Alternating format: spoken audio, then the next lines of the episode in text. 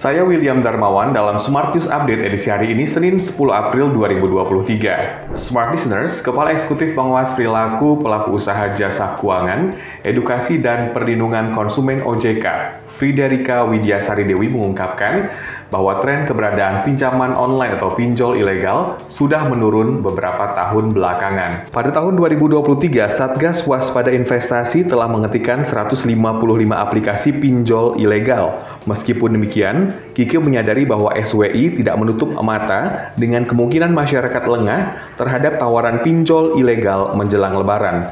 Oleh karenanya, sosialisasi terus dilakukan untuk mencegah hal tersebut terjadi. Berita selanjutnya, Bank Indonesia memastikan memiliki sejumlah strategi untuk mengatasi maraknya penukaran uang ilegal jelang lebaran. Penukaran uang ilegal umumnya ada di pinggir-pinggir jalan. Jasa penukaran uang ilegal tersebut sangat berpotensi terjadinya kecurangan. Kepala Departemen Pengelolaan Uang BI, Marlison Hakim mengatakan, upaya yang dilakukan untuk mengatasi penukaran uang ilegal, yakni dengan menyediakan layanan penukaran uang keliling di sejumlah titik.